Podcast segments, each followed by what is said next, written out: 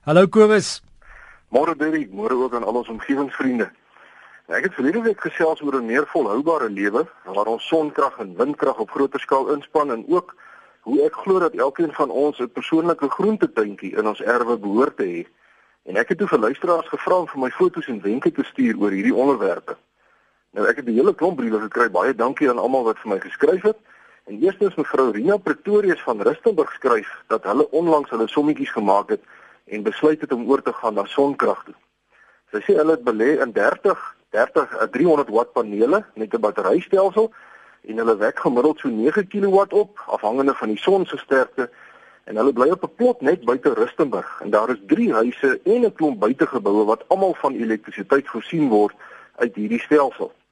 Sy sê verder hulle geisers en stowe werk met gas en hulle is nou heeltemal van Eskom ontkoppel en dan het hulle vir hulle ook nog 'n 40 kW uh, noodkragopwekker gebou wat gebruik nou kan word as die son deur die wolke bedek word en die batterye begin afloop. En hierdie hele stelsel met die huidige tariewe sal hierdie hele stelsel homself in net 5 jaar betaal. En daarna is dit 'n lekker besparing elke maand. Baie dankie aan mevrou Rina Pretorius vir u brief. En ek dink u ervaring sal baie mense aanspoor om dalk hulle sommetjies ook te maak en dalk die stap te neem na 'n eie onafhanklike sonkragstelsel. Dan Derek, skryf ons na Meyerton toe en ons gesels bietjie oor groentetuine. Nou, ek het uh, weer eens 'n hele klomp briewe ontvang. Ek kan nou ongelukkig nie almal behandel nie, maar die eerste een kom van die 84-jarige meneer Karel Nolte wat sê dit was nog altyd sy mening dat elke huis 'n eie groentetuin moet hê, want vars groente uit die tuin is wonderlik vir al uh, kopslaai en komkommers. Nou 20 jaar gelede het hy dorp toe getrek en onmiddellik 'n groentetuin aangelê, maar hy was geskok deur die swak prestasie van sy groentetuin. Hy sê as afgetrede boer het hy alles geweet van bemesting en besproeiing en insekbekamping en hy sê eh, daar is ook nie 'n insek wat nie in die dorpstuin teenwoordig is nie. Maar hy sê hy het sy grond toe laat ontleed en dit het gewys dat die kaliumvlakke in die grond baie laag was. En die landboukundige het dadelik gesê dat dit te wyte is aan boomwortels. Hy sê daar's 'n paar groot bome in sy bure se erf en hy het toe al die boomwortels op sy eie erf se grens tot op 'n diepte van 1 meter afgekap en toe rondom sy groentetuin ook al die boomwortels afgekap. En hy het toe vir twee seisoene na mekaar die maksimum kalsium uh, kaliumsulfaat toegedien in sy groentetuin, maar die groente wou steeds nie lekker groei nie. En toe hy weer ondersoek instel, toe blyk dit dat sy groentetuin so oorgeneem was deur boomwortels dat dit meer lyk soos 'n klapperhaar matras as na 'n groentetuin. Hy sê dit is so erg dat net uh, dat na 10 ure se besproeiing die boomwortels al die vog onttrek het. Hy sê sy groentetuin is so wat 10 meter van sy bure se erf af en dit blyk dat die bure se bome hulle wortels baie vinnig na sy groentetuin toe uitgebrei het om die kalium wat hy toegedien het by te kom.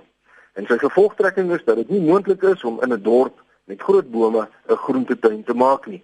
En hy sê die groot sondaars is die vierhoekie populier en die wit stinkhoutbome. Baie dankie oom Karel Nolte van Meyerton vir u brief. Maar ek wil hom dadelik verwys na omgewingspraatjies se Facebook bladsy. Ek het die afgelope week 'n hele paar idees oor hoe mense 'n groentetuintjie maklik en goedkoop kan oprig in 'n dorp op die bladsy geplaas. So soek maar net uh, op Facebook na omgewingspraatjies se bladsy. Dit lyk my die sleutel is hidroponika wat 'n uh, eh, tegniek is om groente te kweek sonder om dit in die grond te plant. Met ander woorde, mens gebruik slegs 'n bietjie potgrond of grys of sand en dien dan bloot water toe waarin daar nou genoegsame plantvoedingsstowwe opgelos is. En dan groei die plante baie maklik en baie welig. 'n Mens gebruik plastiekpype waarin mense 'n paar gate boor en dan ook 'n waterpompie en 'n klompie ander dunner plastiekpypies of mens kan sommer 'n paar ou plastiek koeldrankbottels gebruik of enige ander plastiekhouer En dit is baie oulik en baie maklik om te maak. So kyk gerus op Facebook. Iemand wat vir my geskryf het in hierdie verband is mevrou Yvonne van der Merwe wat vertel dat sy ook vir haar 'n eenvoudige hidroponiese groentetuin gebou het deur 'n paar weggooi goed bymekaar te maak, soos byvoorbeeld plastiekbakkies waarin seepoeier verpak word, asook afgesnyde plastiek melkbottels waarin sy gaatjies ingesny het. Sy sê sy het die saailinge in die houers in bietjie potgrond oorgeplant en haar tuintjie werk nou soos 'n bom. Sy sê sy kon ongelukkig nou nie die waterpompie en die pypies bekostig nie, so sy maak haar plantjies maar met die hand nat met water waarin sy uh, nitrosol plantvoeding opgelos het en die nitrosol is dan ook haar enigste uitgawe. En dan het sy 'n uh, bietjie plastiek uh, gevat wat nou oor 'n nuwe matras was en sy het die plastiek oor 'n binnemuur gedrapeer en dit vorm nou haar eie klein kweekhuisie waarin haar groente tog te lekker groei. Nog iemand wat vir my geskryf het is meneer Jaco Wynmalen van Winkelspruit. En hy sê hulle het 'n paar jaar gelede in Amanzimtoti 'n projek begin om goedkoop groentetonnels te ontwerp. Hy sê hulle projek het so gegroei dat daar tans reg oor die land meer as 13000 van hulle tonnels opgerig is. En hy het vir my 'n paar foto's van hulle tonnels gestuur wat ek ook op omgewingspraatjies se Facebook bladsy geplaas het. Hy sê hulle tonnels is goedkoop en maklik om te bou en mense wat belangstel kan gerus met hom skakel. Sy besonderhede is daar op die Facebook bladsy. Nou op die foto's wat uh, meneer Wynmalen vir my gestuur het, kon ek sien dat die raam van die tonnels van daardie plastiekpypies gemaak word wat gewoonlik vir elektriese installasies gebruik word. En dan word die tonnel bloot met skadu net toegemaak en ek is seker dat mense op plekke waar dit nou ryp, die raamwerk met gewone deurskynende plastiek ook sou kan toemaak. Maar kontak gerus vir meneer vir meneer Jaco Wynmalen van Winkelspruit as u hierin belangstel. En dan omgewingsvriende sluit ek vanoggend af met 'n brief wat ek ontvang het van meneer Jaap Lagendijk wat sê hy wil graag 'n aquaponika aanleg oprig. Nou dit is 'n aanleg waar 'n hidroponika tuin gekoppel word aan vistanks sodat die plante nou aan die visse kos verskaf en die visse se afval op hulle beurt weer die plantvoeding word wat in die water is waar wat nou aan die plante toegedien word. Uh nou meneer Lagendijk sê die probleem is egter dat op klein skaal so iets nie ekonomies vatbaar is nie en dat 'n grootskaalse boerdery homself nog nie bewys het nie.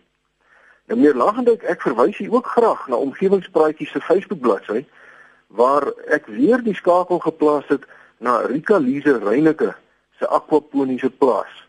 Nou Rika, Rika Lise Reyneke is 'n 14-jarige dogter wat op 'n stukkie grond van net 21 meter by 21 meter 2,9 ton vis en 60 tot 80 kg groente en kruie per week produseer.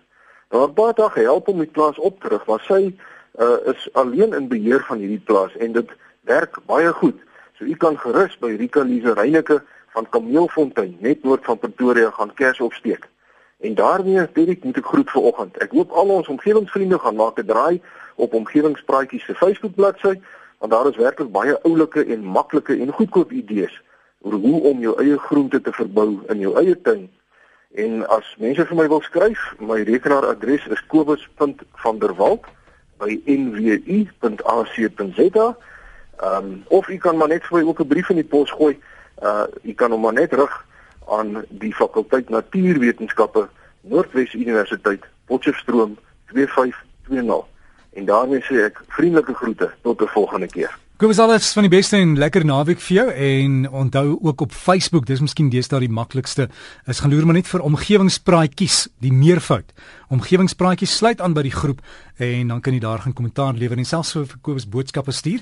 En anders e-pos is Kobus met 'n K, Kobus.vanderwalt aan mekaar, Kobus.vanderwalt by nwu.ac.za.